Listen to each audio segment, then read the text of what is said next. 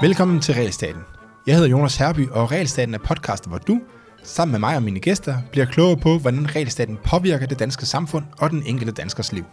Jeg holder juleferie, og derfor får I en særudsendelse af Realstaten i dag. Øh, det er min optagelse med Martin Aarup fra hans podcast Samfundstanker, øh, hvor vi snakker om mit seneste studie, øh, mit litteraturstudie, som ser på, hvad det var, der virkede i foråret, da vi som samfund samlet set fik bekæmpet pandemien.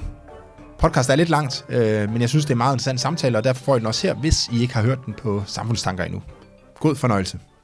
Velkommen til Samfundstanker. Det er mandag den 7. december, dagen, hvor regeringen har nedlukket 38 kommuner i primært hovedstadsområdet, og så Odense og Aarhus. Og øhm, i dag skal vi øhm, diskutere netop nedlukning. Hvad virker, når det gælder om at bekæmpe smittespredning og øhm, coronapandemien? Og min gæst i dag, det er Jonas Herby, som er øhm, øhm, som er specialkonsulent i uh, Cepos. Jeg skulle lige glemme din titel, Jonas. som, er, som er specialkonsulent i Cepos, og dermed min øh, medarbejder. Øh, Jonas er super relevant at have med til at tale om det her, fordi han har lige offentliggjort et litteraturstudie, som formentlig ikke her på optagelsesdagen den 7., men om nogle dage, hvor det her bliver offentliggjort, øh, også vil øh, ligge og være offentliggjort på vores øh, hjemmeside, og jeg linker selvfølgelig til det i øh, show notes. Jonas, dit øh, notat, din analyse, handler om, øh, hvad der virker, når øh, det handler om at bekæmpe øh, smittespredning af coronavirus. Hvad er det, du har lavet? Jamen, sige, det jeg har gjort, det er, at jeg har øh, gennemgået den litteratur, der, øh, der findes på området, og man kan sige, at den litteratur deler sig egentlig i to grupper. Øh, der er en gruppe litteratur, som kigger på effekten altså den samlede effekt af samfundets respons på pandemien. Øh, og det er den litteratur, vi har hørt mest om øh, indtil videre. For den, og den finder typisk, at der har været en meget, meget stor effekt af, ja, typisk bliver der, frem, bliver der fremlagt som, at det er nedlukningen, men det, der i virkeligheden øh, bliver undersøgt i studierne, er øh, samfundets respons. Så hvad, hvad skete der, dengang vi alle sammen isolerede os i, øh, i foråret, og hvilken effekt havde det på pandemien? Og der får man typisk nogle, altså en relativt solid effekt af, af den samlede respons fra samfundet. Så det er den ene gruppe af litteratur. Men den gruppe af litteratur, som jeg interesserer mig for, det er den gruppe, øh, som, kigger, som prøver at finde ud af, hvem, hvad for nogle del af samfundets respons var det så egentlig, der virkede. Øh, og jeg forsøgte at dele det op i tre, øh, tre typer af adfærdsændringer. For det hele handler jo om, at vi ændrer adfærd og ser øh, andre mennesker på en anden måde, øh, og måske mindre, end, øh, end vi ellers ville have gjort. Og der er ligesom tre man kan sige, basalt set er der to måder, man kan ændre adfærd på. Enten kan man gøre det frivilligt, eller også kan man blive tvunget øh, til, til det. Øh, men den frivillige adfærd kan jo så også være en, man gør, øh, fordi man er, har set noget information, og man har set, at pandemien kommer til, til landet, og der er nogen, der begynder at dø af det. Eller det kan være en, hvor man ligesom får et lille puff fra regeringen, øh, og, og, og reagerer kraftigt, fordi at øh, statsministeren går, går ud og lukker ned. Så man kan sige, helt grundlæggende så er det, altså var det lukningen af frisører og øh, barer, der virkede, var det... Øh, altså for eksempel frisører bare. For eksempel frisører bare. Eller anden nedlukning, ja. ja. Skoler, eller var det... Øh, eller var det vores øh, frivillige adfærdsændringer, altså at vi holdt op med at øh, ses med andre, fordi, at, fordi at vi så, at der var folk, der begyndte at dø af den her sygdom? Eller var det det, at Mette Frederiksen, hun øh, tilskynder os alle sammen til at sige, okay, nu nu, nu, at vi skal, øh, vi skal reagere og, og passe på. Øh, og der er nok noget af begge dele i den, øh, altså i den frivillige adfærdsændring, øh, fordi at jeg tror, vi alle sammen kan huske, da Mette Frederiksen hun gik på, øh, tale, eller på holdt pressemøde der den 11. marts, at der, der, der var verden dagen efter en lille smule anderledes. Altså, der, vores børn var ikke i uh, daginstitutioner, og, og vi fik jo en mail fra dig, ja, 20 minutter efter pressemødet, hvor der stod, at nu skulle vi ikke komme på kontoret uh, indtil videre. Uh, mm. Så der var masser, der lukkede ned, selvom man egentlig godt måtte sende sine børn i uh, daginstitutionen der torsdag og fredag. Og Cepos havde jo lukket i to måneder, selvom vi egentlig godt måtte have åben. Øh, og min egen familie så kun en anden familie i den der periode der. Okay, så, så nedlukningen af Cepos, det tæller med som, øh, for eksempel Cepos, øh, det tæller med som en del af den frivillige øh, aktivitet. Ja, det er det, jeg vil sige, der, men, men jeg, som jeg vil kalde men, men lukningen af restauranter og lukningen af skoler og så videre, det er den øh, tvungne øh, del af det er en tvunget adfærdsændring, ikke? Ja. At du kunne ikke ja. længere gå ind på en restaurant, fordi de, de, var, de var lukket af, af staten. Ikke? Hmm. Øhm, ja. Okay. Så det er, præcis, det er Så- præcis det, jeg kigger, prøver at kigge på. Endnu, ja. Og Så du har tre kategorier. Du har øh, frivillig, så har du tilskyndet, og så har du tvungen nedlukning. Og hvad viser øh, litteraturen? Jamen det, det, for det første viser den, det er faktisk lidt svært at så adskille de her tilskyndet og, øh, og tvungen, øh, nej, hvad hedder det, til, tilskyndet og frivillige adfærdsændringer. Altså de flyder lidt, øh, de flyder lidt sammen, fordi det, Mhm. det hele kommer egentlig meget oven i hinanden. Altså man kan se, der er, der er mange studier, der finder, at folk begynder at reagere før, at staterne øh, eller, eller lukker ned.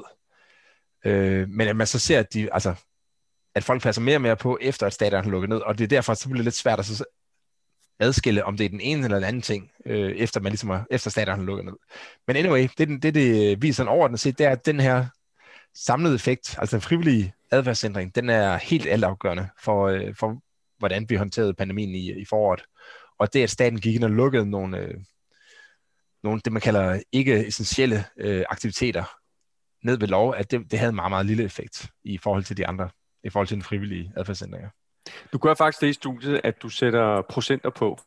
Altså, Ja. Det er selvfølgelig øh, tentative procenter, øh, men det er baseret på, øh, øh, på de tal, der er i de øh, forskellige øh, studier. Ja, Og jeg skal er, lige sige, når du siger, taler om stater, så er det jo fordi, det er, øh, du kigger på den øh, litteratur, øh, som du har kunne finde øh, øh, på, øh, ja, altså i princippet på, på verdensplan, øh, som har øh, undersøgt effekten af nedlukningen, ikke kun i Danmark, men i alle mulige forskellige lande. ja, vi kan måske komme lidt tilbage til, hvorfor det er, at man ikke bare kan kigge på, altså der har været rigtig meget sammenligning af Danmark og Sverige i, øh, her i Danmark, og sikkert Ja. også i Sverige. Øh, men vi kan lige komme lidt tilbage på senere, hvorfor, det, øh, hvorfor man ikke kan gøre det. Øh, Absolut, der, der er men, god grund men det man til gerne vil have, man vil gerne have noget, noget data, man vil gerne have noget variation i data, altså øh, lande eller stater, der lukker ned på forskellige tidspunkter. Øh, og så det, er, det meste af det, er, af det her forskning, det er for Europa og for USA, øh, hvor man så udnytter det her med, at man har nogle, altså 50 stater i USA, øh, som, øh, som lukker ned på forskellige tidspunkter i forhold til, hvordan pandemien udvikler sig. Der er mange forskellige, øh, de lukker ned på forskellige måder, og så, og så prøver man ligesom at finde ud af, hvad, hvad for noget af alt det her virkede så rent faktisk. Så når man ser på effekten af nedl... altså samlet set, den samlede respons, som du indledte med at sige, Ja. Den, der, der kan man se, der er øh, en, en effekt øh, for alt det samfundet gør. Ja. Øh, og vi kan se, at smittetrykket øh, stiger hurtigt frem til øh, marts, øh, og så flader det ud og falder igen. Og så ja, er der mange, der har, i alle lande, ikke? Lige præcis. Og så er der mange, der så har konkluderet og sagt, hvad var det, der skete der i marts, når vi lavede nedlukning? Ergo, så er det nedlukning, der har ført til faldet i, i smittetrykket. Hvad er det så, øh, litteraturen viser? Hvor meget af det skyldes nedlukning i procent, og hvor meget skyldes folks frivillige adfærd, hvor noget af frivilligheden er tilskyndet, altså man opfordrer fra Kåre Mølbak og Søren Brostrøm og Mette Frederiksen, og noget af det er sådan ren, øh, hvad skal vi sige, øh, ting folk gør. Mm. Jamen altså, det, det, vi kom, det vi kommer frem til, det er, at øh, eller vi, der er 14 studier, der sætter tal på det her. Øh, og hvis man tager gennemsnit af de 14 studier og siger, så hvad betød statens øh, nedlukning af de ikke-essentielle aktiviteter så, jamen, så, så, er det selve, så er det cirka 5% af samfundets samlede respons. Altså selv 5% af effekten på pandemien, der kom fra statens nedlukning. Mens de 95% kom fra, øh, kom fra vores frivillige og tilskyndede adfærdsændringer. Okay, Øh, og, hvis, og, hvis man tager, og, med, øh, hvis man tager medianen, så er det... Altså der, der er nogle af dem her, der har nogle relativt store høje estimater, men der er også mange, der har 0. Øh, Og hvis man tager medianen... Så der, undskyld, Altså, der, er nogen, der er nogle studier, der siger, at, at, at effekten af nedlukning er 0. Ja. Altså ingen effekt overhovedet af nedlukning. Ja, ingen effekt af. Okay. Men, det, er det, men det, der er nogle af de studier, som har svært ved at adskille den her frivillige og den tilskyndede adfærd. Ja.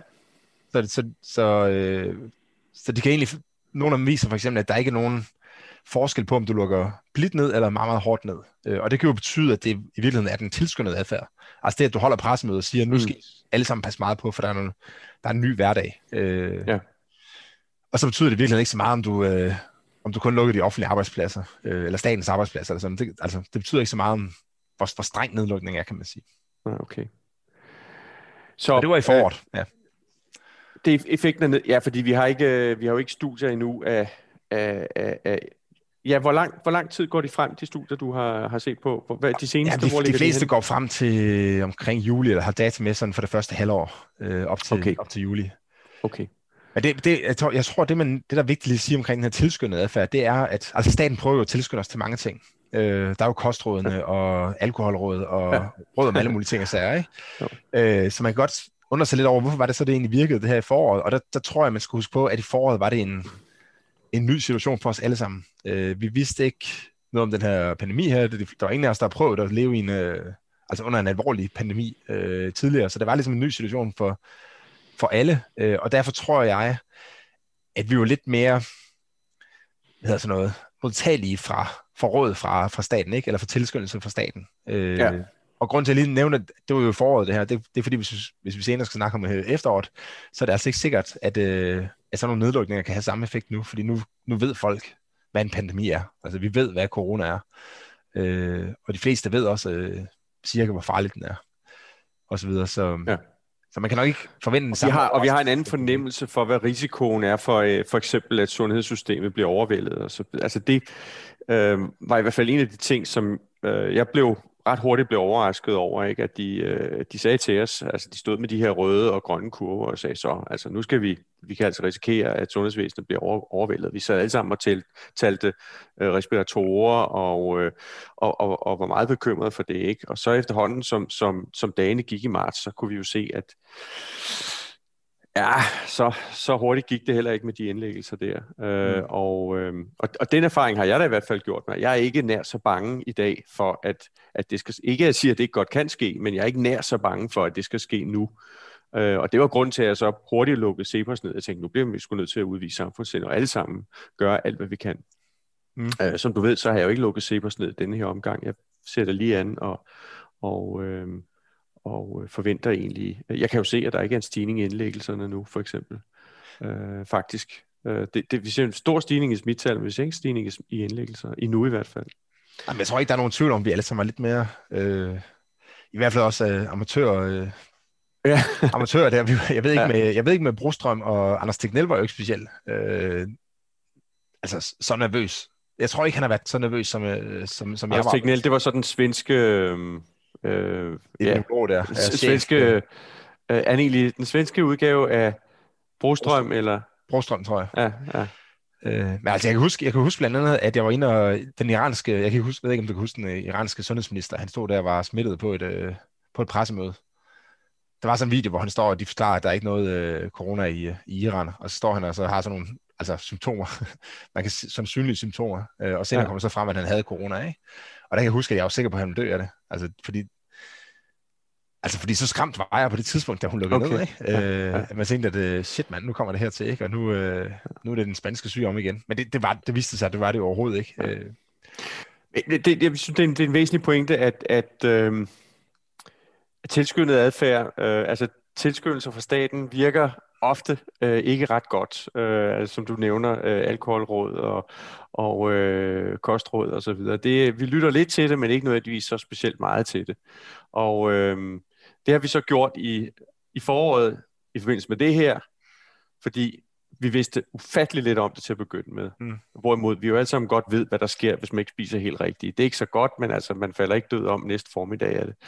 Øhm, Nej, vi laver nogle trade-offs, ikke? Altså ved, ja. at man skal leve, altså, at det, det, det, der er noget godt ved at leve meget sundt, og ja. spise efter kostrådene, og drikke og nogen gør det. lidt alkohol, men der er altså også noget godt ved at spise rigtig godt, øh, og drikke lidt ekstra alkohol en gang imellem. Øh, så det er jo sådan en afvejning mellem øh, cost og benefit, som, øh, ja. altså det er jo trade-offs, ligesom vi økonomi ja. elsker, ikke? Vi kommer til, til meget mere at snakke om cost-benefit eller ikke meget, men lidt mere at snakke om cost-benefit senere. Øhm, jeg tror for mange øh, vil det være overraskende at øh, få at vide, at litteraturen, og, øh, og det her det er altså en, en forskningslitteratur, hvor artiklerne, øh, det er jo, med de her øh, artikler, det er jo lidt det samme, der er sket her, som der er sket med vacciner, at alting går hurtigere her under corona. Ikke? Mm. Øh, og mange af de her artikler går jeg ud fra, at er publiceret i en eller anden form, men ikke, altså var det før corona, så var de blevet udgivet som arbejdspapir, og så kunne der nogle gange gå overvis, før de var kommet i en videnskabelig artikel. Uh, undskyld, i en, et videnskabeligt tidsskrift som en peer-reviewed artikel. Um, men, men det her, det er artikler udarbejdet af økonomer, antager jeg primært. Ja. Um, uh, og uh, hvilken, hvilken type af, uh, altså hvilken status har de? Er det arbejdspapirer, eller er de udgivet i en eller anden form for peer review, eller hvad er det? Jamen, det er, det er lidt en, øh, en skøn blanding. Jeg har, jeg har, jeg har ikke uh, sådan screenet for, at de skulle være uh, peer-reviewed eller, eller noget. Uh, så der, der er nogle af dem, der er arbejdspapirer, altså hvor det er lagt ud, og så kan folk så begynde at kommentere på det. Det er jo sådan en normal proces, i hvert fald for samfundsøkonomien, eller ja. det, samfundsfagene, at man lægger noget ud, og så kan der godt komme nogle kommentarer på det, men altså for det meste, det forskeren lægger ud, det er ikke så meget forskelligt, når først det så endelig bliver, bliver offentliggjort. Øh, og så er, der en, så er der noget, som hedder COVID Economics fra øh, NBER, øh, så vidt jeg husker, øh, ja. som har lavet sådan en, øh, en slags fast track, øh, hvor, de, hvor man kan sende sit øh, notat ind, eller sit paper ind, og så øh, er der to, der kigger på det, og siger, at det ser fornuftigt ud, og så publicerer de. Så det er sådan en slags en mellemting mellem peer review, øh, for det er ikke lige så grundigt, øh, og så er det mm. arbejdspapir, for der er trods alt nogen, der ligesom kigger på det og siger, at det her, det, det ser solidt ud. Øh, og så udgiver de det, og der er en del, der er en del studier af dem, jeg har med, som kommer fra, øh, fra det der COVID Economics. Og så er der også nogle enkelte, der er øh, publiceret nu, for nu er det, altså, jeg tror også, som du siger, der, der er nok lidt mere fokus på at få nogle af dem hurtigt igennem, hvis det er, ja. øh, hvis det er det virkelig interessante resultater, ikke? Så, ja. så det er sådan lidt en blanding af, af de forskellige ting, ikke? Men jeg har snakket med nogle af dem, eller det er faktisk sjovt, at nogle af, jeg har, jeg har jo sendt Altså, jeg har jo refereret studierne og beskrevet, hvad det er, de viser, øh, og hvilken resultat de kommer frem til. Og så har jeg ligesom sendt alt det her til alle forfatterne, så at de kan have mulighed for at så svare tilbage og sige, at øh, det her har du fuldstændig misforstået, eller så er det, eller forhåbentlig håber jeg selvfølgelig på, at de siger, at det, det er helt inden for skiven. Ikke? Der er nogle enkelte, der er kommet med kommentarer, men de, da vi lavede det. Øh, men det meste var inden for skiven, ikke? Så, Ja, hvor er det, vi med det? Øh, nå, altså, i det, den var, det, var, det, var, det var status på, øh, på ja, hvad, den altså, proces, hvad, hvad, kvaliteten i det arbejde, du, øh, du har øh, Ja, øh, i den proces, der, der blev jeg faktisk opmærksom på, at der var en del af dem, der var blevet øh, altså peer-reviewed, imens jeg havde arbejdet på det. Så det var et arbejdspapir, da jeg så taget og så øh, dissekerede det til mit øh, studie, og, og i mellemtiden er det så blevet udgivet som et øh, publiceret studie. Okay. Så det viser, og hvor, at det og er hvor, mange, en, hvor mange studier er der så tale om, øh, du, du bygger det her på?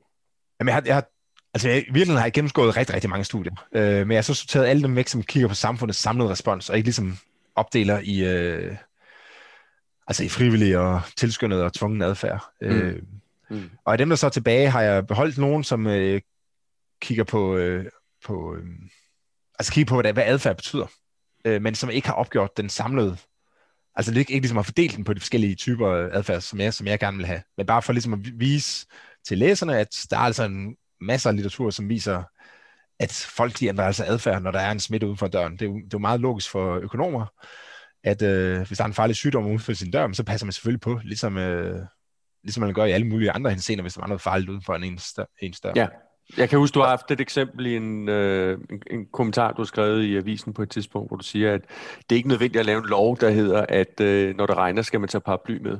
Nej, det gør folk det, det, det gør folk faktisk øh, i, i høj grad frivilligt, ikke? fordi det, de ja. vil helst ikke være våde. Og på samme måde, så vil folk helst ikke smittes, og derfor så, så, så undersøger de, hvordan man skal forholde sig, når der pludselig er et højt smittetryk, og falder smittetrykket, som det gjorde over sommeren, så bliver folk også typisk øh, lidt mindre bekymrede, og når det så stiger igen, som det gjorde i løbet af efteråret, jamen så begynder de at ændre adfærd, øh, i hvert fald hvis de stadigvæk er bekymret for sygdommen, ja, øh, i, øh, øh, i højere grad øh, selv, øh, end, øh, øh, end, end, end nogen måske umiddelbart skulle, øh, skulle tro. Ja. Men, men, men i, de, i den version, der ligger nu, der øh, har vi øh, har jeg 22 studier med, øh, hvor de 14 lige så sætter effekt på de her, øh, altså på størrelsen af det her. Øh, men ideen er egentlig, at det skal, at jeg, at jeg løbende vil udvide studiet, så når jeg bliver opmærksom på ny litteratur, så, øh, så kommer der med. Okay. Altså, så, så vil jeg så lidt skrive det ind i de samme tabeller der, som jeg har med i studiet, ikke? Så bliver klogere og klogere på det. Så, så man kan sige, at det her resultat, eller de her resultater, øh, de er baseret på øh, 14 studier. Ja. ja. Hvilke, hvilke lande er der set på, sådan, om, for eksempel?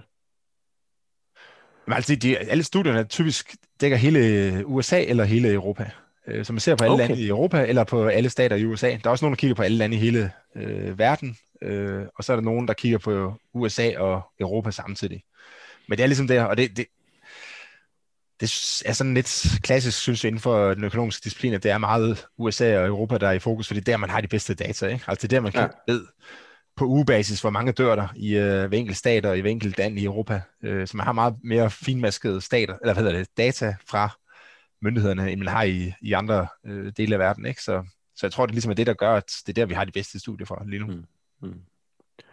Okay, så øh, her har vi altså økonomer, som har sat sig ned, og så har de kigget på en lang række forskellige faktorer, der kan forklare, hvorfor øh, udviklingen i smitten har været, som den nu har været i forskellige stater i USA, i forskellige lande i Europa, eller hele baduljen. Så rigtig mange forskellige steder, smitten har udviklet sig meget forskelligt, og øh, det kan så skyldes og det er jo det, økonomer er gode til, det er at, at forsøge at adskille forskellige effekter, fordi mm.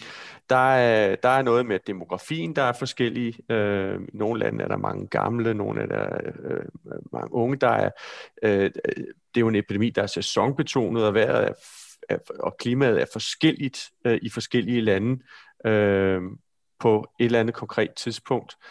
Øh, der er noget med befolkningstætheden. Der er nogle steder, der bor folk meget tæt. Belgien for eksempel har en høj befolkningstæthed. Det spiller øh, ind på, hvor, hvor, mange, hvor mange kontakter folk har osv. Så, så øh, alle mulige ting, der har indflydelse på smitten. Derudover så er der nedlukninger, der finder sted på forskellige tidspunkter, og de har forskellig styrke. og, og så videre, så videre, så videre.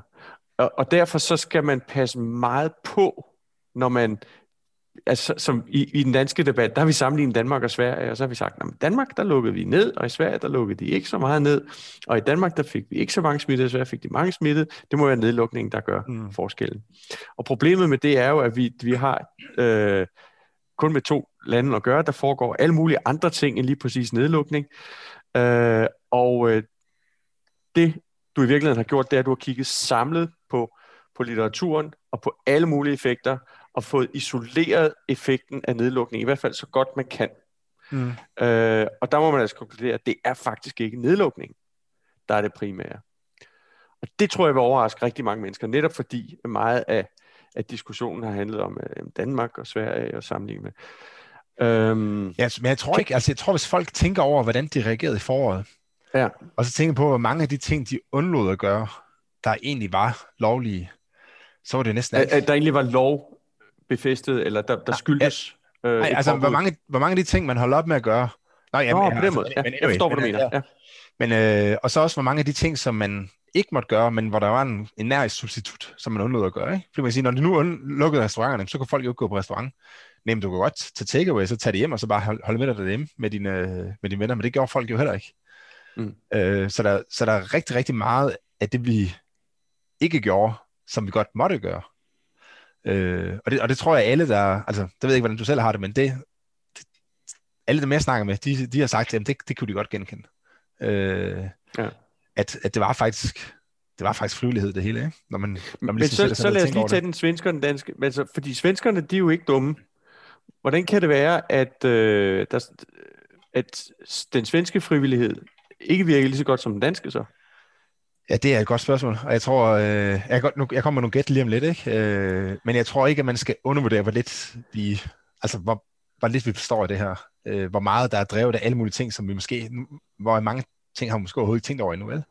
Mm. Øh, men der er alligevel par, to ting, som jeg godt vil hive frem. En, der er meget konkret, og en, der er sådan lidt mere øh, en fornemmelse, jeg måske har. Øh, så den konkrete, det er, at svenskerne de har vinterferie senere end danskerne. Øh, og det betyder, at danskerne de var på vinterferie i Østrig og Italien i stor stil før pandemien for alvor brød ud dernede. Mm-hmm. Og så kom de tilbage til Danmark, og der var kun nogle enkelte af dem, der var, øh, der var smittet. Altså dem, der, der kom tilbage til Danmark og smittet, det var, det var jo dem, der tager afsted uden for skolens sommerferie. Øh, mens i Sverige, der var det nede i områderne, mens pandemien, altså mens pandemien var i i fuld flor. I fuld, i fuld flor dernede, ja. ja. ja. Lige præcis. Og, og, derfor og inden man rigtig var opmærksom på det. Ja, og så derfor så kommer, så kommer svenskerne, øh, eller så en af teserne er, at der kommer flere svenskere tilbage til Sverige med, øh, altså med øh, corona, så derfor så startede de, altså hvor vores, det ligesom startede med en, okay, en, en var lidt var syg øh, og kom hjem fra Østrig, og så kom der en ny hjem, og så var der tre herover og sådan noget, ikke? Men det var sådan nogle smatterier. Øh, altså tesen egentlig, at, øh, at svenskerne de simpelthen kom hjem med, en, altså haft en meget kraftigere start på pandemien, Øh, og man kan også se, at selvom svenskerne har lukket ned samtidig, altså alle, alle lande lukkede ned cirka samtidig i Europa, ikke? Det var ligesom, jeg så det, og oh, nu lukkede, det er også en af de papers, jeg er med, der, der viser, at nu lukkede nabolandet ned så må vi også have lukket ned. Øh, så det var ligesom sådan en nedlukningspandemi, der spredte sig over, øh, over Europa. Okay, så nedlukningen den blev egentlig mere timet efter, hvornår nabolandene lukkede ned, end efter smittetrykket i det pågældende land. Ja, det er et af studierne, der viser, at, ja. at, at, at, at, at de primært kopierede hinandens øh, nedlukninger, og, og det er ikke så meget okay. timet i forhold til, hvordan pandemien udviklede sig. Ja. Øh, og der kan man så sige, at selvom svenskerne havde lukket ned præcis samtidig med, med Danmark, jamen, så var de så langt inde i pandemien, at øh, altså, de simpelthen ikke kunne forhindre mange af de der dødsfald der. Så, så Danmark og Sverige, nu kan jeg ikke lige huske det præcis, men de, det er ikke så, de topper ikke så langt fra hinanden. Mm-hmm. Øh, men Sveriges pandemi var bare meget kraftigere der i starten. Øh, så, det, så det er en mulig forklaring. Ja. Nu, jeg må, må, må, må lige, altså, nu udfordrer jeg måske din, din viden om Sverige, men altså, en af de ting, der er forskel på Sverige og Danmark, det er, at, at i Sverige der har de mere sne, end vi har, de har flere bjerge, end vi har. Ja. Så man skulle tro, at de blev hjemme og stod på ski. Ja, men i Stockholm, der tager de rigtig meget på, øh, på skiferie sydpå. Øh, Nå, okay. det, det var i Stockholm, pandemien var, var værst, ikke? Øh, jeg kan ikke lige huske præcis forklaringen, men må det ikke det et eller andet med, at bakkerne måske ikke er så gode deroppe? Eller så godt kender jeg ikke Sverige. Nej, okay. men rent jeg synes også over det, og så, men, men det er jo meget en, en forskel på Sverige og Norge, at øh, svenskerne de tager altså mere på skiferie end øh, nordmændene. Okay, det er en interessant hypotese. Andre ting? Jamen, så den, den anden det er, at øh, altså i Sverige, de, de blev styret af fagfolk under pandemien. Altså Tegnell, han var jo, jeg kan huske, at jeg læste et interview med ham, hvor han går ud bagefter og, og siger, at han øh, at de er inde på et øh, møde, og vedtager så, at øh, når vi går, vi, det er sådan her, vi gør i, i Sverige, og så kommer han ud fra det møde der, altså han forklarer det nærmest som om, at, det, at de alle har siddet møde samtidig i alle lande i Europa, ikke? Og Sverige har så besluttet det, som de har arbejdet på de sidste 25 år, øh, ja. vi gør, hvis der var en pandemi, og det gør Sverige, og alle andre, der, de gør anderledes, ikke? De gør noget andet, end de havde forberedt. Øh, blandt andet, nu ved jeg ikke, om det er alle lande, hvor politikerne tog over, men, øh, men de lande, som jeg kender til, der er det politikerne tog over, ikke? Det var øh, Boris Johnson tog over i, US, eller i England, øh, Mette Frederiksen tog over her i Danmark, og, og så videre. Ikke? Jo. Så man havde en politiker, der ikke var fagfolk til at styre pandemien, så det kan jo også være, at svenskerne bare var mere nøjterne og sagde, at det her det er ikke en ny øh, spansk influenza, eller spansk, hvad hedder det, hvad det nu hedder på dansk? Spanish flu, hvad hedder den på dansk? Den spanske syge. Ja, ja spansk syge. Ja. At det er ikke en ny uh, spanske syge, der kommer til, til landet. Det er altså en, uh, en alvorlig sygdom, men det er ikke en, der er så alvorlig, at vi skal spære folk ind i, uh, i månedsvis, for det tager de altså også skade af. Ikke? Så måske har de været mere, måske har deres trade-off simpelthen været anderledes. Altså hvor, hvor, hvor danskerne kollektivt Altså, hvis, hvis, man, hvis vi tager den med, at man måske stoler meget på øh, myndighederne i det øjeblik, hvor det er, at man ikke ved, hvad man skal gøre, ikke? Ja der fik vi at vide, at nu skulle vi passe rigtig meget på, for det her det var meget, meget, meget farligt. Og så spærrede vi os ind i, øh, i månedsvis, øh, og der der, der var mange, der ikke havde det godt med det. Mens Tegnell havde fra starten af sagt, at, øh, at nu skal man passe på sådan men der er, også, der er også andre ting, der er vigtige. Øh, børnene skal stadig kunne komme i skole. Øh, jeg så, du havde en kommentar på Twitter i dag med, at, øh, med et, altså, der var mange af de her udsatte børn, som havde problemer under nedlukning, ikke? fordi skolen ja. ligesom var deres, deres fristed. Ja. Øh, og den var jo så lukket ned, ikke? Øh, og det, har jo ikke, det har de jo ikke oplevet i Sverige, så måske har deres trade-off, at de har så haft mere flere dødsfald. Øh, men måske har deres trade-off bare været anderledes, ikke? Altså, de har fulgt deres myndigheder, øh, og de har sagt, at det... Ja, altså uden, det er godt, uden, det er uden at ind i en normativ diskussion af det, ja. det, kan, det kan vi tage lidt, uh, lidt, lidt senere, så er, er din hypotese her, at øh, det, det er faktisk øh, den, det er den, faktisk den tilskyndede adfærd, du bruger som forklaring her. Ikke? Altså, at ja, præcis. det, at der ikke står Mette Frederiksen og siger, det her, nu er det altså øh, ramme alvor, nu skal I alle sammen øh, lytte efter, fordi øh, lokummet brænder, ikke? Mm. Øh, så er det Teknel, der siger, ja, det er en pandemi, og det øh, har vi forberedt i 25 år, og vi gør sådan her. Livet skal gå videre, og I skal ikke være alt for, I skal være bekymrede, I skal holde afstand, I skal ikke være alt for bekymrede. Ja øh, og, så, og så kører det videre. Og så kan man så sige, var, var det godt eller skidt? Øh, skulle man ikke have sagt det? Skulle man have gjort folk mere bekymrede? Men det er ikke, det er ikke en effekt af nedlukning, det er en effekt af, at folk øh, øh, tilskyndet adfærd i mindre grad øh, øh, er et udtryk for bekymring. Ja, man kan sige, det, ja. det er det. Hvis man, hvis man nu tror, at den her, øh, det her signal fra staten er, øh, er vigtigt og kan føre folk til meget, ikke? Mm. Øh, så bliver det jo interessant at så sige, hvor, altså, hvor præcist er det her signal? Altså er det det helt rigtige signal, man sender? Eller kan, man kan jo også godt sende et for stærkt signal, ikke? hvis man får ja. folk til at, at gå fuldstændig i panik over, at der er en, øh, en pandemi. Ligesom man kan sende et for svagt signal, hvis man siger, at ah, nej, det skal ikke. Altså som Trump han gjorde og sagde, at det, det er ingenting, bare, bare gå ud og, og give den gas. Ikke? Øh, det, er nok, det rigtige ligger nok et eller andet sted midt imellem, og, der, og det gør både Mette Frederiksens og Tignels øh, tilgang. Øh, men, men hvilken af de her tilgange, der er den rigtige, hvis man tror, at den her tilskyndende adfærd har, mm. er vigtig, det, det er svært at sige, og det, øh, ja, det er ikke sikkert, at vi nogensinde finder ud af det, for det er jo frivilligt trods alt. Ikke? Så, det, så der er i hvert fald ikke nogen af de økonomiske regnemetoder, øh, der ligesom kan, kan sige, hvad for en af dem, der er den, der er den rigtige. Ikke altså, nej, til, fald. Det, det, er svært, det er svært spørgsmål at svare på, men det kan være en af, for, en af grunden til, at man ser, for, ser forskel, ikke? at man simpelthen har, har valgt man kan sige, at det, det, det, det, som, øh, det som du gør her, når du, når du så kigger på, på tværs af alle de her studier, øh, det er, øh, det er at, at, at så, så når du frem til øh, sådan en no, no, no bullshit, øh, hvor det ikke er baseret på anekdoter, det er baseret på, okay, hvad ved vi? Altså et lande mm. lukker ned på det, det tidspunkt, og der er forskellige lande osv. osv., osv. Og der er der så nogle formentlig en masse mennesker, der tænker, det kan ikke passe, fordi det, de anekdotisk har set, øh, det, det er til synligheden noget, noget, noget lidt andet. Og det kan jo også skyldes en confirmation bias, ikke? altså det man tænker, jamen det må være nedlukning, og så kigger man efter tegn på, at det må være nedlukning. Og så finder man den danske svenske der, og det har meget samtalen så handlet om. Men hvis vi så øh, anekdotisk... Men, men, men Martin, det troede vi jo også. Altså det troede vi jo også i starten, ikke? Du og jeg, ja, ja, helt klart. Ja, ja. Og nogle, nogle af de ja, der, altså noget, noget det, nogle af de analyser, jeg lavede, det tog ligesom for givet, at staten styrede, hvor mange der skulle, øh, skulle dø i landet nærmest, ikke? Øh, ja. Og, der, når jeg tænker tilbage på den periode, der så tænker jeg bare, hvorfor, altså, jeg er økonom. Hvorfor, hvorfor tænkte jeg ikke adfærd? Hvorfor gik der, nu kan jeg ikke huske, hvor det gik, men der gik nok i hvert fald en måned, øh, inden jeg ligesom begyndte at tænke, der er et eller andet galt her med, med det her, ikke? Altså, hvorfor, hvorfor det var det, det første, man tænkte, ja. da Mette Frederiksen trådte frem, det er at sige, hvis det er så farligt, så skal folk nok øh, ret til selv. Det, ja. det behøver man ikke lukke frisørerne for. Det skyldes jo faktisk også, at, at, øh, at de her simple øh, epidemimodeller, som vi begyndte at, at rode med i begyndelsen, uden at vi havde, altså, det er jo, epidemi er jo ikke noget, vi arbejder med før, øh, de har heller ikke rigtig adfærd med. Nej, jeg tror det faktisk, det var, det var Otto først, øh, der begyndte at, at tale om, om, om adfærd, ikke? Altså, jamen, hvis folk nu bliver lidt bekymrede og sådan noget, nå ja, hvad så egentlig? Ikke? Øhm, ja, men det var så, ja, men enig, jeg, altså, jeg, jeg er helt enig, sådan, sådan, tænkte, sådan tænkte de fleste af os i hvert fald, der ikke, øh, for hvem det var nyt at, at skulle tænke over det her øh, på, på det tidspunkt. Men der er stadigvæk mange, der tænker sådan. Jeg tror også, der er mange, der mm. lytter med, der tænker sådan, og tænker, ah, det kan ikke passe det her.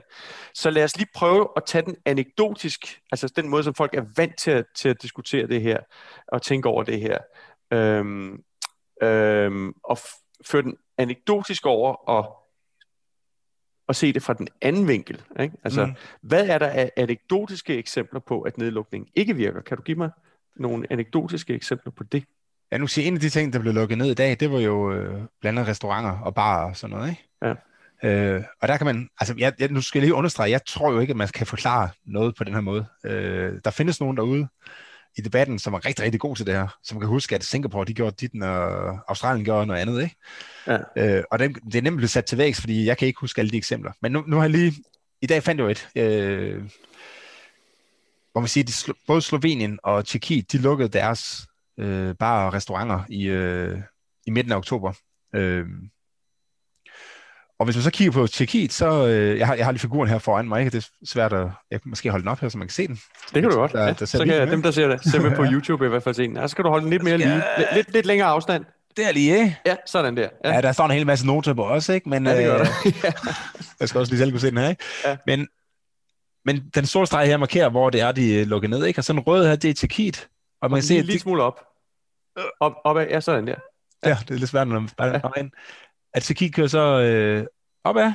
og, så, og så flader den faktisk ud og begynder at gå ned. Og hvis man kun kigger på Tjekkiet, ja. så man tænke, at øh, det virkede. Vi lukkede restauranterne der, så gik der 14 dage, og så begyndte så holdt folk op med at dø. Ikke? Og det er cirka den periode, der, der går fra man ændrer, altså fra at man bliver smittet til man dør.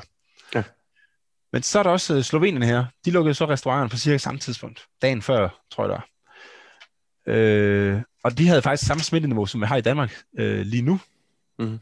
Og øh, deres er bare steget og steget og steget og steget og steget.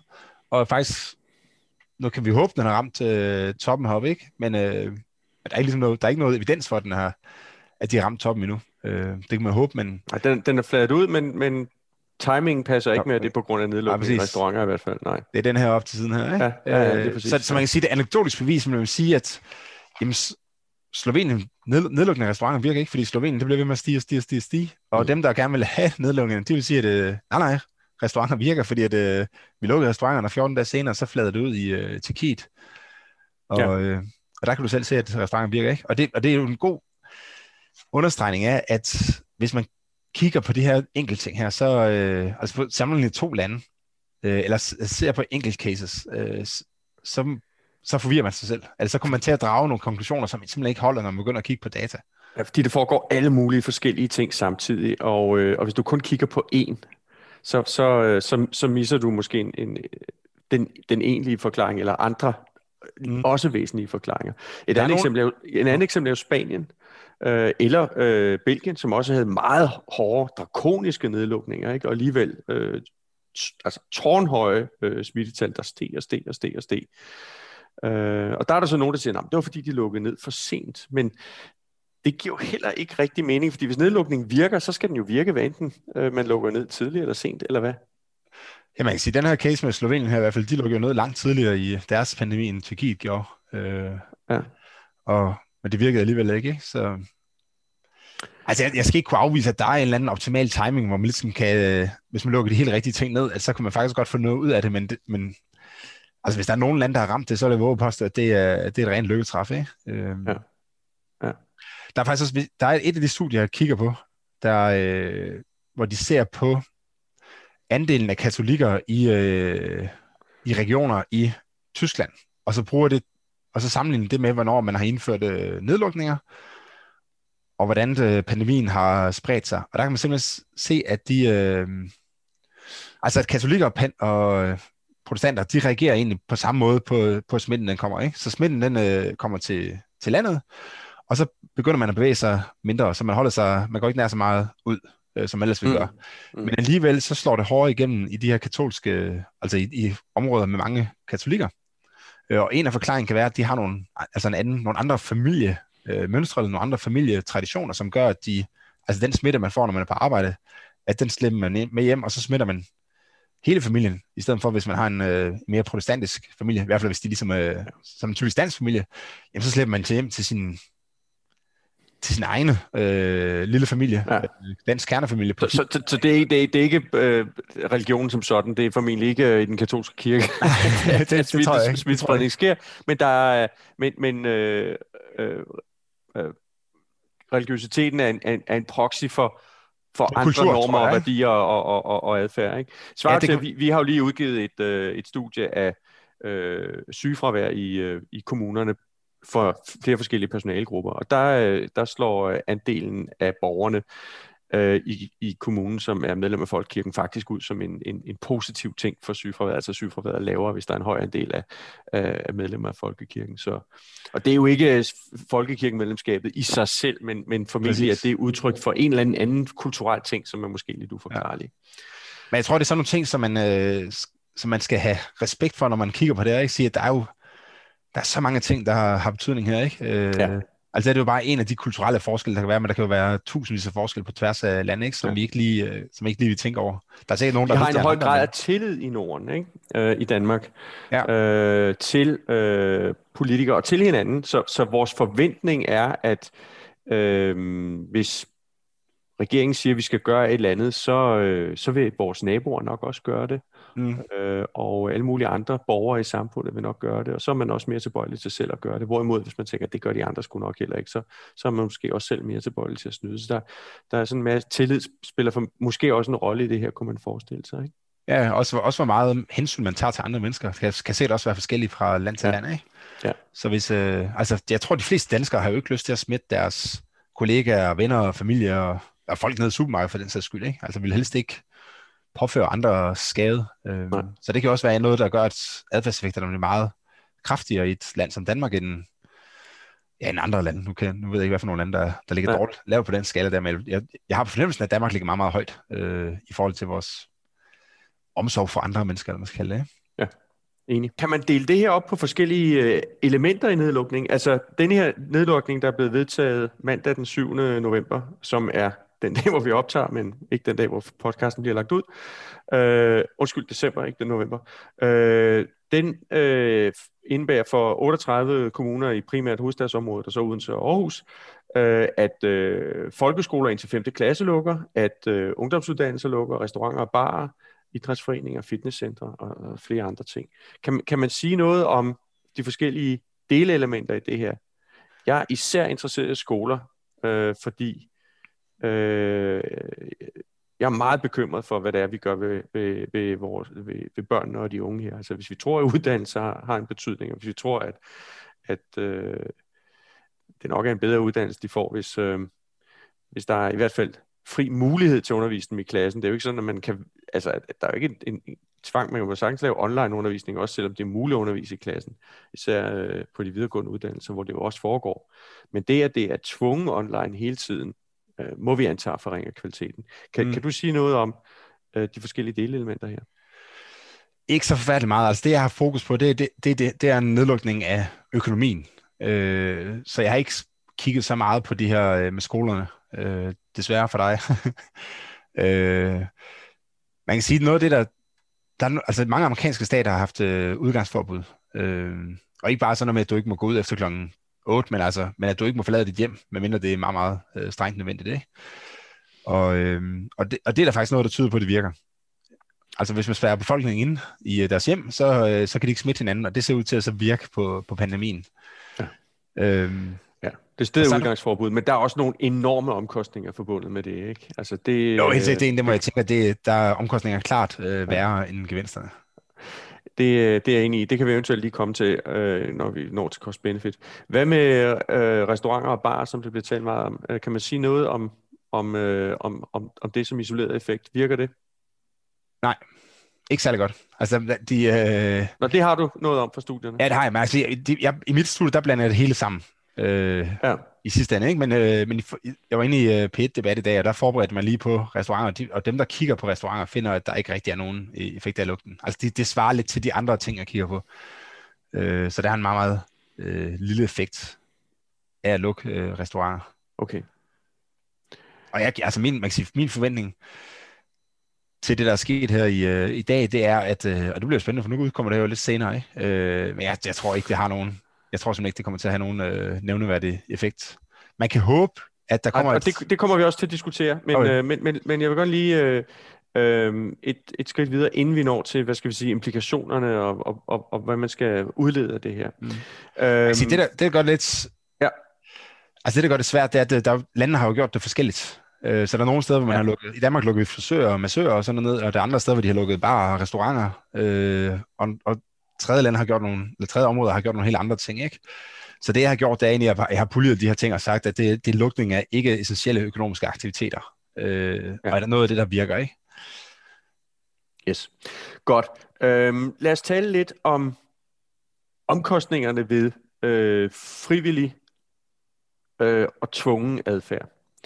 Fordi der er jo ingen tvivl om, at øhm, når man har set på de økonomiske omkostninger, men jo også på de sociale, menneskelige omkostninger af øh, vores reaktion på, på pandemien, jamen så spiller det øh, så, så er der negative omkostninger, eller altså, negative, slut at sige negative omkostninger, der er omkostninger og negative effekter ved begge, ved, ved, øh, ved både det frivillige øh, og ved nedlukning.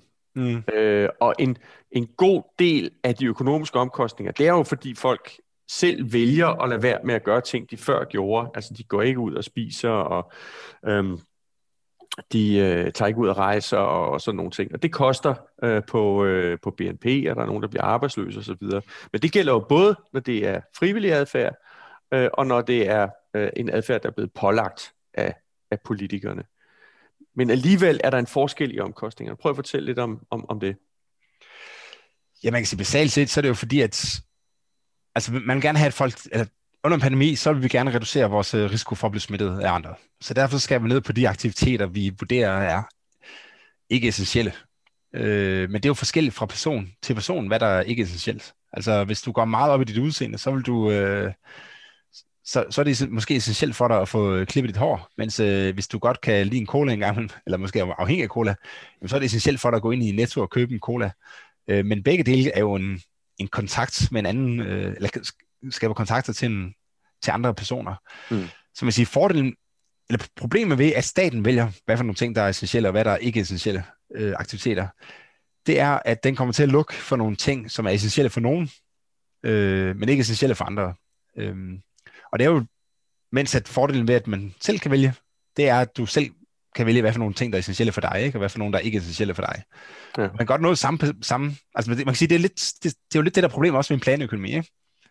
at hvis du skal fordele øh, goderne ud til, til borgerne, jamen, så er det meget, meget svært at vide, hvem der sætter pris på hvad, fordi vi er meget, meget forskellige. Øh, der er nogen, ja. der godt vil have et, øh, en lille bolig i byen, andre vil gerne have en stor bolig ude på landet, øh, og begge dele er jo normalt, eller man siger, det er jo normale og gode øh, ting begge dele, men vi er bare forskellige, hvad for nogle ting, vi, vi har præferencer for at gøre. Og det er det, man ikke fanger, når man laver sådan en nedlukning af de, altså hvor man, luk, hvor, hvor man fra centralt hold siger, at der er nogle ting, der er ikke essentielle. Det er, at så kommer man ned til at lukke ned for nogle ting, som, der, som folk synes faktisk var essentielle. Ja. Øh, og det så man kunne forestille sig, en stor at, omkostning. At, man kan forestille sig, at halvdelen af borgerne synes, at aktivitet A er essentiel, og den anden halvdel synes, at aktivitet B er essentiel. Og øh, hvis den ene halvdel får lov til at lukke ned for den ene, og den anden får lov til at lukke ned for den anden, øh, så, øh, så når man sådan set i samlet smittetryk omtrent det samme, men, men begge parter har fået det væsentligt bedre, end de ellers ville have haft, hvis man udelukkende havde fokuseret på den ene ting. Ja, lige præcis. Ja. Lige præcis. Ja, øh, det, det, det, så, så det kan være over... Altså man kommer nemt til at... Øh, altså omkostningen bliver større, når vi ikke frit kan vælge, hvad for nogle, øh, hvad for nogle produkter, vi, vi synes, der er essentielle. Øh, og altså man kan godt komme til at så tro, at altså der var, der var et studie fra Københavns Universitet, som viste, at øh, omkostningsned, eller hvad hedder det, omsætningen var faldet næsten lige så meget i Sverige som i, øh, som i Danmark under øh, coronapandemien. Og, øh, og det, det, det bliver ligesom udlagt som om, at så når omkostningerne, altså de økonomiske omkostninger har været lige så store i Sverige som i Danmark, øh, så, så nedlukningen koster ikke noget. Øh, men det er altså en forkert måde at se det på, fordi Dan, i Sverige havde de jo selv kunne vælge, om de ville reducere deres kontakter ved at drikke, ved at gå mindre på bar, øh, eller om de ville reducere deres kontakter ved at øh, arbejde hjemme, øh, ja. eller hvad det nu kan være. Ikke? Øh, og det kunne vi altså ikke i Danmark. Der var der nogle aktiviteter, som, øh, som man lukkede ned for, og, det, og så kan man ikke få det, kon- altså økonomer kan godt lide at snakke om consumer surplus, så hvis nu du er meget, meget, så er meget, meget stor pris på at gå ind og drikke en kold fadøl fredag aften, eller fredag eftermiddag, jamen så den glæde, du får af det, den, den kan du ikke få i den danske øh, version af nedlukningen. Det kan du i den svenske version af nedlukningen. Og consumer og surplus, eller det forbruger overskud, der er, det er, at hvis den der øl koster 30 kroner, jeg kan ikke engang huske, hvad en øl koster, øhm, men den er, men den er en 50'er værd for dig. Ja. Øh, så så øhm, kan det godt være, at det, der står øh, i, i, i BNP, der er værdiskabelsen ved, at du går ind og, og, og køber den, den bliver produceret og serveret for dig, det er 30 kroner. Men den værdi, der er skabt, er i virkeligheden højere. Ja. Den er, den er 50 kroner. Man siger, og der hvor det går helt galt. Og, og, og, og hvis du bliver forhindret i det, så ser det ud som om, at der er blevet tabt øh, værdi øh, for, for 30 kroner, men i virkeligheden er det blevet tabt værdi for 50. Mm. Man kan sige, der hvor det går helt galt, det er jo, hvis man... Øh, hvis en person, der godt vil øh, klippes, og man har lukket frisøren ned, og det, han normalt har givet 350 kroner for at blive klippet, og nu går han så i stedet for ned for at, at købe en uh, trimmer til 350 kroner og, øh, og trimmer sig selv, ikke? Han, har, han har, er helt klart dårligere stillet, ikke? Øh, fordi før ja. pænt hår, og nu ser han ud ligesom os. Øh, ja. men, men, men i BNP vil det jo se ud som om, at det, det er mere eller mindre det samme, ikke? Fordi at omsætningen har været den samme i, øh, altså uanset om man har købt trimmeren eller har været nede ved frisøren. Ja. Øh, og det viser jo bare, at man kommer til at undervurdere, undervurdere hvor dyr øh, sådan en nedlukning egentlig er. Mm. For, øh, for ja. Så der, der er flere argumenter for, at det vi, det vi skal satse på, det er, den, det, er det, det er det frivillige. Det ene, det er, øh, at det, det er det, der ser ud til at virke. Mm. Øh, og, og det andet, det er, at øh, det er den øh, for borgerne billigste måde, fordi det, der er en fleksibilitet, man kan tilpasse sig øh, og, og løbe de risici, men det er værd for en selv at løbe, øh, og undlade at løbe de risici, hvor man tænker, okay, altså jeg, jeg behøver ikke at tage til Roskilde Festival eller koncert, eller jeg vil gerne ud og drikke en øl, men jeg vil ikke til frisør osv. Ja. Øhm,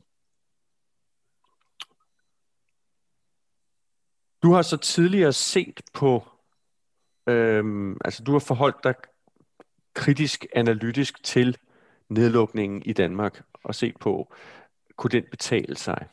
Øh, hvor du har lavet den øh, beregning, som nogen opfatter som kontroversiel, men som man jo laver i alle mulige sammenhænge, øh, hvor du ser på, hvor meget har det egentlig kostet at redde et menneskeliv. Og øh, der når du frem til, at i forhold til, når vi beslutter os for, om vi vil bygge et ekstra øh, lyskryds for at undgå, at der bliver tabt menneskeliv i trafikken, øh, eller når vi beslutter os for, om vi skal bruge noget ny teknologi i sundhedsvæsenet eller noget ny medicin, så øh, har det her kostet fem gange så meget at redde et menneskeliv, som vi normalt er villige til at betale for det. Fire-fem gange så meget. Mm. Er det ikke rigtigt? Jo. Ja. Øh, men det var jo så baseret på en antagelse om, at nedlukningen havde en effekt. Ja. Så øh, ændrer, den beregning, øh, ændrer den beregning sig øh, med, med, med det her litteraturstudie? Øh, det er et godt spørgsmål, ikke? Altså, det vil jeg helt klart tro, den gør. Øh, ja. Man skal huske, at altså, jeg tager jo de, de økonomiske omkostninger, og så dividerer med, hvor mange liv man redder. Øh, ja. Og man skal sige, det, det studie, jeg så øh, lige har lavet her, det, det tyder så på, at det har nok ikke reddet særlig mange liv. Øh, det er ikke nedlukningen, det er den frivillige adfærd, der har reddet. Den har også kostet noget, men, men, men, det, men de omkostninger har du hævet ud af, af det er jo svært at, at, at, at, at tage omkostninger. Altså, regeringens ekspertgruppe vurderede cirka halvdelen af omkostningerne ved øh, epidemien i tabt BNP skyldes nedlukning, og mm. halvdelen skyldes noget andet, altså folk var bekymrede og så videre, ikke? Ja, men øh, og det, det, det, det, altså kan vi vide, om det estimat det stadig holder, ikke? Øh, ja, det er rigtigt. Fordi hvis det, hvis det primært har været adfærd, der har gjort, der har drevet det, øh, så kan det også være, at det primært er adfærd. Altså det er en meget større del, der egentlig skulle tilskrives adfærds, ja. adfærdsændring, ikke? Så, så omkostningen bliver mindre. Øh, altså det er svært, jeg synes, det er svært at forestille sig, at resultatet skulle blive bedre, at nedlukningen ikke virker. Øh, ja, det kan jeg godt se. Men, men altså, men, men, der, men det, man kan ændre både i tæller og i nævner, ikke? Øh, så det kan godt, ja. Så det er ikke sikkert, at det bliver så meget øh, dårligere resultatet. Nej, god pointe. God men, det, men, altså, men det er svært at forestille sig, at fordi nedlukningen ikke virker, så, den, altså, så, så bliver den mere cost-benefit optimal, eller man siger. Det, det er svært at forestille sig, ikke? Det må man sige. Ja. Det må man sige. Men, man, kan øh, også, man kan også diskutere det rimelige i at, øh, at anvende et værktøj, der ikke, der ikke virker, eller som vi må antage, baseret på den viden, vi har indtil nu, den evidens, vi har indtil nu, ikke virker ret godt. Altså, men der er jo, der er jo den mulighed, at det der, at efteråret er anderledes end foråret. Altså, du, ja, det er helt du, du, du antyder jo selv, at, at øh, det kan være, at folk er lidt mindre bekymrede nu, mm. og at det derfor måske er nødvendigt at bruge en, en, en større pisk, hvis målet er at holde øh, smitten nede på et vist niveau. Man kan jo i det hele taget måske diskutere, hvad politikernes mål egentlig er. Det har jo flyttet sig lidt. I starten der var det det her med, at man skulle holde sig øh, på den grønne kurve og, og under den røde. Øh, sundhedsvæsenet skulle ikke overbelastes, og så øh, da det overhovedet ikke, vi overhovedet ikke kom i nærheden af en overbelastning, så sagde man, at nu gælder det om bare at, at eller bare, nu gælder det om at holde øh, smittrykket meget langt nede, og så, så få som muligt bliver smittet, øh, uden at det egentlig stod klart, hvad det, hvad det var, vi ventede på. Altså forventede vi i, i, i, i overvis at skulle, skulle køre den her dans, øh, eller, eller hvad. Ikke? Og så pludselig så dukkede der muligheden for en vaccine op, og så kunne man sige, nu er det det, det vi satser på. Og nu er vi pludselig tilbage ved en diskussion af, at øh, sundhedssystemet ikke må blive overbebyrdet. Det, ja, det er de sjovt. Begyndt at, de er jo begyndt at tale om røde på igen, ikke? Ja. Som, som målsætningerne ændrer sig, og strategien er uklar og så videre. Ikke? Men, men det er i hvert fald noget med at holde smitten nede. Øhm, og jeg, jeg kunne godt efterspørge, og har i månedsvis efterspurgt en klar strategi. Og selvfølgelig kan man ændre strategien efterhånden, så man bliver klogere, eller der opstår en ny situation. Det gør vi jo også i Cepos. Men det ikke at have en, det synes jeg virker meget mærkeligt. Jeg tror i forhold til det, du nævnte der med, øh, med at man skal bruge en større pisk, der tror jeg i virkeligheden, min tanke er, at altså i foråret, der virker den frivillige adfærd godt. Altså det var meget svært egentlig at holde den frivillige adfærd, for du kunne ikke blive testet. Øh, så, så, så hvis du havde de mindste symptomer, så skulle du egentlig holde dig hjemme, i, uh, indtil symptomerne var væk. Så det var, så det var relativt dyrt at være frivillig, eller hvad skal jeg sige. Ikke? Oh ja, det er uh, til, gengæld, så, til gengæld var du bange for, at det var meget, meget alvorlig uh, sygdom. Så, uh, så der var både altså store benefits ved at opføre, opføre sig uh, fornuftigt, det man sige, ja. og, og, og store omkostninger ved at gøre det. og med begge de dele er jo egentlig blevet mindre nu, ikke? fordi der er, der er store, der er, meget, der er meget små benefits, eller det er i hvert fald faldet øh, ved at opføre sig pænt, fordi sandsynligheden for, at du ender med at så slå en, eller være skyld i en anden person dør, er meget, meget lille. Ikke? Øh, men det er også blevet meget nemmere at være frivillig. Prøv, prøv, prøv lige at forklare det lidt mere. Ja, det er fordi, øh. altså, jeg, jeg tør lidt ind på det der, hvor jeg troede, når jeg, da jeg så ham, den iranske øh, sundhedsminister, ja. så troede jeg helt sikkert, at han ville være død. Ikke? Øh, men det viste sig jo, at han havde sandsynligvis en meget, meget stor sandsynlighed for at overleve, selvom han havde corona, ikke? Ja, okay. Så, så, der... så, så en hel del mennesker er, er blevet lidt mindre... Men omvendt, så er der jo kommet flere... Øh, altså, vi, senfølger af noget, vi ikke var Altså, der gik ikke ret lang tid før det gik op for mig, at øh, nå, unge mennesker har i hvert fald ikke noget at frygte. Øh, noget væsentligt at frygte, mm. øh, ud over hvad man har ved en influenza for eksempel. Øh, og så når man er over en vis alder, så er det meget mere alvorligt end influenza, og, og samlet set er det dermed mere alvorligt end influenza. Men for de unge er det mindre alvorligt end, end influenza. Øh, men, men så er der også kommet det her med senfølger og ting og sager, så jeg tror for mange mennesker er det lidt uklart, øh, hvor, hvor alvorligt det er. Jeg tror stadig, der er rigtig mange mennesker, der er, ja, det er, er ret bekymrede, og det, det kan man også godt diskutere, at det kan man også godt øh, altså argumentere for, at der er, er god grund til at være. Men jeg tror, der, men der, jeg tror, der er mange, der er mindre bekymrede nu, end der var i foråret. Øh, og, og man kan sige, at der var et studie fra, altså de, de norske myndigheder har udgivet en, øh, en opgørelse, tror jeg, man kan kalde det, øh, som viser, at dødeligheden i Norge siden sommerferien har været 0,12 procent, som jo inden, altså, som er nærmest mindre end en, en influenza. Øhm, altså 0,12 procent af hvad? Af, det, af, dem, altså, af dem, der bliver smittet, der dør 0,12 procent. Øh, mm. Øh, og det er jo bare sådan en mere eller mindre gennemsnitlig influenza. Så øh, det, der er så noget med aldersfordelingen, så når de smittet, ikke? Så man, jeg ved ikke, man kan tage det 100% ud, men, øh, men, men, jeg, men jeg tror, i gennemsnit, der er danskerne mindre bange for corona nu. Meget mindre bange for corona nu, end det var i foråret. Øh, men, men som sagt, så er det også blevet nemmere så holde sig, altså være frivillig øh, eller ændre adfærd frivilligt, fordi du, øh, du kan få en test, så du behøver ikke holde dig hjemme i 14 dage, hvis du har lidt kriller i halsen. Du mm. kan bare gå ned og få en test, og så øh, kan du finde ud af et par dage senere, at, øh, at du kan fint tage på arbejde. Det er, ikke, øh, ja. det er bare kriller i halsen. Øh, og, den, og den kan man jo godt skrue op for, den her. Altså gøre det nemmere, nemmere, nemmere at få en, øh, at få en, at opføre sig øh, fornuftigt, kan man sige. Og, der, nu, og vi nu, kommer, nu kommer vi ind i øh, policy-delen. Altså hvad, øh, hvilke anbefalinger kan, kan, kan, kan det her føre til? Du har lavet et studie, der, øh, der går lidt på tværs af det folk har troet. Det er mange, øh, vi også troede i begyndelsen, og vi har, haft, vi har i mange måneder haft en, en uh, mistanke om, at det nok forholdt sig sådan her. Uh, men men uh, politikerne tror tydeligvis stadigvæk, at nedlukning er, er helt afgørende for at bekæmpe pandemien, men dit studie, eller din gennemgang af litteraturen viser, at det formentlig spiller en meget lille rolle.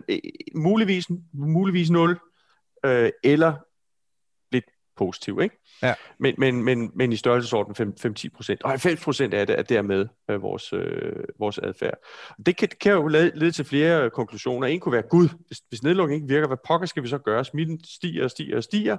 Øh, og... Øh, og hvis det næsten ingen effekt vil få, så må vi forvente, at øh, den bare bliver ved med at stige, og så får vi en overbelastning af sundhedssystemet, vi får mange syge, og, og det, er en, det er jo en ren katastrofe for julen. Øh, det bliver jul i år. Øh, det kunne være en konklusion. Øh, en, en anden kunne være, at øh, jamen, vi skal lade være med at lukke ned, og så skal vi satse på noget andet. En tredje kunne være, at vi skal alligevel lukke ned, men vi skal også satse på noget andet. Hvad, hvad vil du sige? Jeg tror også, at, der er nogen, der siger, så må vi lukke altså endnu hårdere ned. Ikke? Altså, ja. Der skal nok være nogen, der, og det har jeg også set, der siger, at vi må, så må vi jo have ud, uh, indføre udgangsforbud, så ikke folk ja. kan komme ud og, og smitte hinanden. Ikke? Øhm, så hele paletten er i spil, kan man sige. Ja, det, det, det, det kan man. Og, og, og man kan godt være lidt bekymret ved, at, at nu, nu bliver jeg meget, øh, hvad skal vi sige, normativ og polemisk, men sådan som jeg oplever det, i og med, at politikerne, og især i stilletid med Frederiksen og regeringen, fra starten har gjort det til et prestigeprojekt for, for sig selv, og gjort det definerende for, for, for sig selv, øh, så er vi altså havnet i en situation nu, hvor øh, det er afgørende for, for deres prestige og popularitet, at smitten ikke stiger. Det bekymrer mig, fordi ja, det gør det også mig. Det kan, det kan betyde, at de vil prøve at overbevise os om, øh, at, at vi skal gøre ting, der, der, der, der simpelthen er, ikke er proportionale. Og, og øh, altså, der er ude af proportioner, for at få brugt mere øh, øh, mundret udtryk. Øh, og i særdeleshed deres ekstreme forsigtighedsprincip trækker jo i den retning. Mm. Øhm, og, og det kunne godt føre, det er jo meget udansk, og vi har ikke gjort det indtil nu. Vi har faktisk haft mindre ekstreme nedlukninger mange steder, som du nævnte. Selv i USA har der været udgangsforbud. Altså, det er jo vanvittigt. Øh, men jeg er lidt bekymret for, at vi måske kunne bevæge os, bevæge os i den retning øh, i, i Danmark. Vi ved det ikke, og det er spekulativt. Øh, og, og, øh, og det studie taler jo ikke imod, at, at det vil virke. Det givet det gjorde, men... men øh, ja, nej, det, men, det, det ser ud til... Altså, det, det, det, det er ikke alle, der finder en effekt, men der... udgangsforbud, det virker. Ja, det ser ud til at virke, ja. Det gør det. Godt nok også en høj pris at betale. Det uh, krænker helt grundlæggende frihedsrettigheder, og det vil uh, altså gøre utrolig stor uh, social skade, økonomisk mm. skade mm. på utrolig mange mennesker. Ikke? Der, er også, der er også retsprincipper, ikke? Altså, du bliver jo ja. idømt en straf, uden at, være, uden at have gjort noget i virkeligheden, ikke? Uh, ja, altså, altså, for det første har du ikke gjort noget, for det andet, så, kan du, så vil de fleste være raske. Og det er jo kun en meget, meget lille del, der er smittet, ikke? og alligevel så bliver man spadet inde. Så der... Jo, altså hvis den der, test, ikke ank. hvis den der testprocent øh, kan bruges føres over på hele befolkningen, ikke? så er det 2-2,5 procent, øh, der i øjeblikket går rundt og er, er, smittet. Og at, og spære 100 procent ind for, for at spære 100 procent inden for at forhindre, at, at 2,5 øh, procent smitter, det øh, giver udtrykket at øh, skyde gråsbog med kanoner en helt ny betydning. Ikke? Mm-hmm. Godt. Så hvad, hvad, hvad, hvad er dine policy-implikationer af det her? Hvad synes du, man kan lære af det?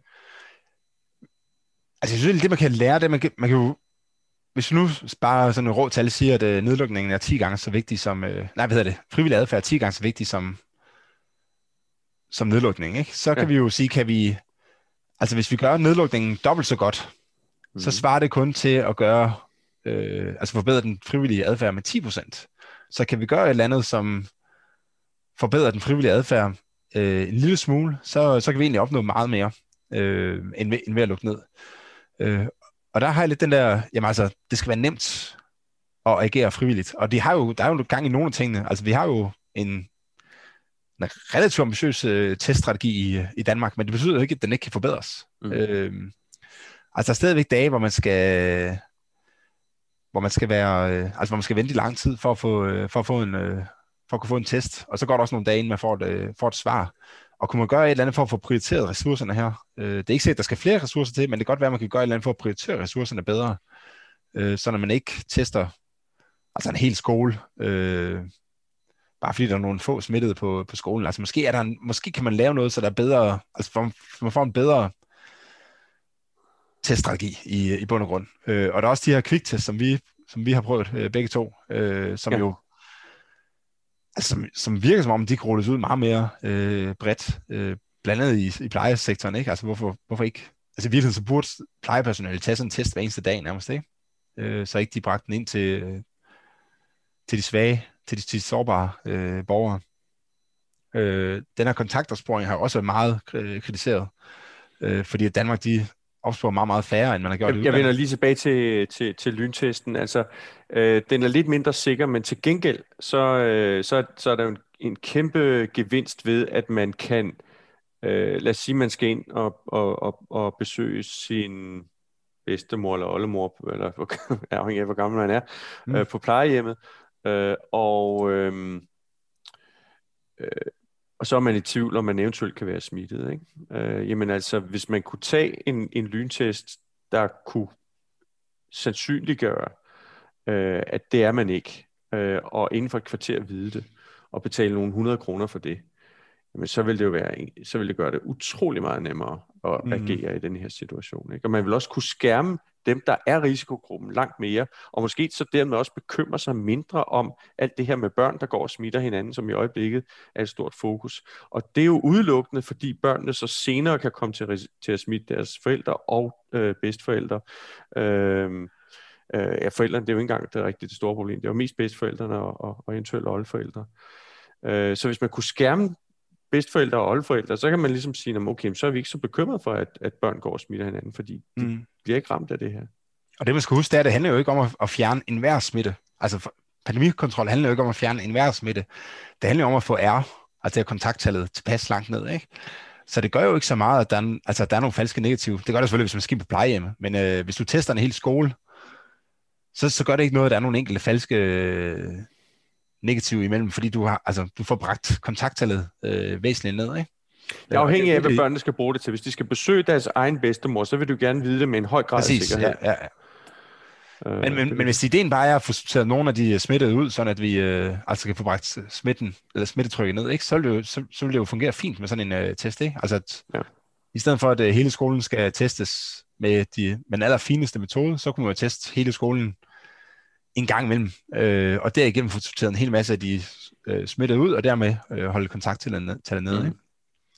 Så, er det, så er det hele den her kontaktopsporing, som også har, som også ja. halter øh, en del i Danmark i forhold til, til sammenlignelige lande. Øh, og man kan sige, at i forhold til frivillighed, så spiller du ind der, at hvis du ligger med feber derhjemme, jamen så kan det godt, så, kunne godt, så er det jo en uover, altså, ja, så kan det nemt blive en uoverkommelig opgave at skulle ringe bare til fem personer. Øh, og du har måske været i kontakt med 20 personer. Øh, og måske skal du altså finde ud af, hvilken restaurant var det egentlig, du var på, og skal finde telefonnummer til den, eller sådan, så hvis man kan få, altså, så der tænker jeg, at det fungerer som hjælp til at så være, til, lidt nem, til at gøre det lidt nemmere at være, være frivillig. Ikke? Altså hvis du bare kan ringe, sige til øh, Styrelsen for Patientsikkerhed, og sige, at du var i, øh, jeg var på den der restaurant i det der tidsrum der, øh, kan I ikke tage jer det? Så, så er det jo med til at så gøre det nemmere at, at have den her frivillige adfærd, ikke? Kontaktopsporing er for mig at se et af de steder, hvor man vidderligt kan sige, at der er andre lande, der gør det markant bedre. Altså jeg kan mm-hmm. ikke huske tallene, men jeg har set nogle, nogle tal, hvor det i Danmark er ganske få personer. Ja, jeg tror, det er 3,5 eller sådan i Danmark, så er 20 stykker i, øh, i nogle af de lande, man sammenligner sig med. Ja, og det, det gør jo en kæmpe, kæmpe forskel. Ikke? Altså her, i stedet for øh, at, øh, hvad skal vi sige, at bede alle mennesker, inklusive alle dem, der overhovedet ikke øh, er smittet, øh, om øh, ikke at rende rundt og have kontakter med hinanden. Her er der altså tale om folk, der rent faktisk er smittet, og som har været i kontakt med nogle andre, hvor man ikke gør en særlig stor indsats for at finde ud af, hvem de andre er. Det mm. virker for mig helt skørt, altså. Ja, ja, jeg er helt enig. Øhm, øh, og, og selv der, hvis man mangler på ressourcer, altså hvis man mangler ressourcer, er det også mulighed for at prioritere der, ikke? Fordi man ved jo, hvor meget smitte ja. Folk har i sig, øh, når de bliver testet, så man kan jo tage dem, der har mest smitte, øh, og starte med dem, og så prioritere ressourcerne over på, øh, over på dem, og så sige, okay, dem, der havde meget, meget lidt smitte i, krop, i kroppen, da de blev testet, de, øh, dem behøver vi måske ikke bruge så mange ressourcer på, fordi de, det kan også være, jeg ved ikke, hvor meget de gør det her, men øh, men det giver jo mening at sige, at vi fangede ham faktisk relativt tidligt i forløbet. Øh, nu er han i isolation, og så behøver vi ikke at bruge så mange kræfter på at følge op på kontakter der. Ikke? Ja. Øhm, og så er det selve det her med, altså jeg, jeg forstår stadigvæk ikke, hvorfor man ikke laver de her stikprøveundersøgelser. Altså hvorfor man ikke tester 1000 personer om dagen, øh, som er udvalgt til en stikprøve. Tilfældigt, og som Tilfældigt. ikke, ikke 1000 personer, der opsøger testcenteret? Nej, tilfældigt, så man ligesom har en idé ja. om, hvordan smitten den spreder sig. Fordi en af problemerne er jo det her med, hvis det lige pludselig går meget, meget hurtigt.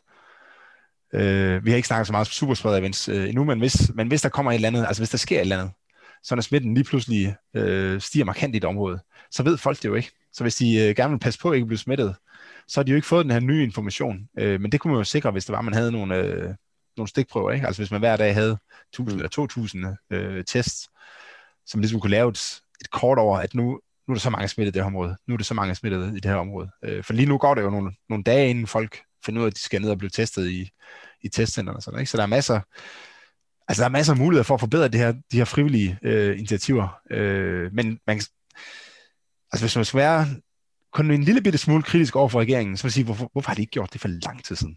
Ja. Altså, hvad, hvad laver de hele sommerferien andet med at diskutere Arne-pensioner og slappe af og nyde, at folk de synes, de har gjort rigtig godt i foråret?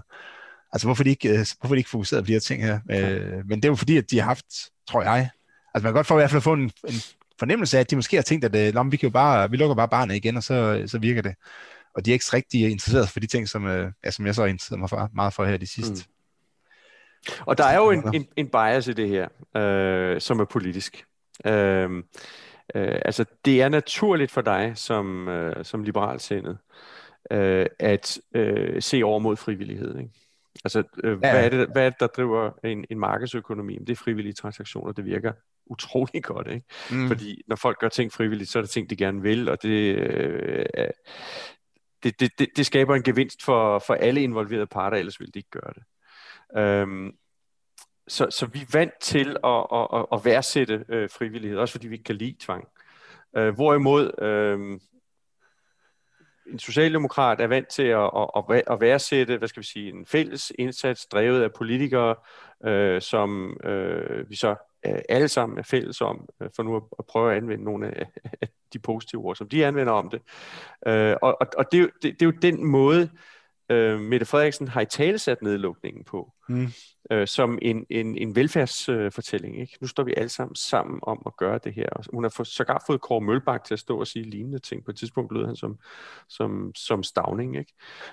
øhm, og øhm, så, så der, der er måske et eller andet øh, ideologisk øh, øh, skisma, eller hvad man skal sige, en forskel her, ikke? Hvor, mm. hvor du har øje for frivilligheden. Nu har du så altså, kigget på de her studier, og, øh, og, og de bekræfter din, din bias, så, så det, det, er helt, det er helt fint. Ikke?